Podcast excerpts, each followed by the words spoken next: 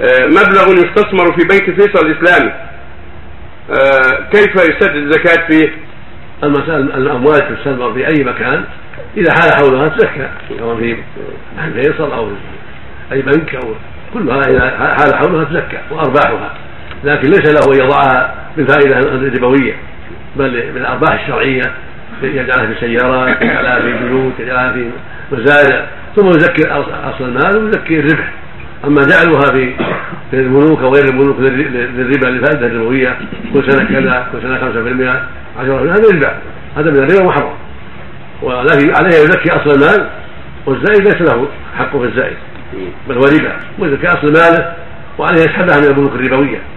والبنوك الربوية لا يجوز التعاون معها لأن الله يقول ولا تعاونوا على الإثم والعدوان والرسول صلى الله عليه وسلم لعن آكل الربا وموكله وكاتب وشاهديه وقال سواء إنما لعنهم لأنهم يتعاونون معه على الإثم والعدوان.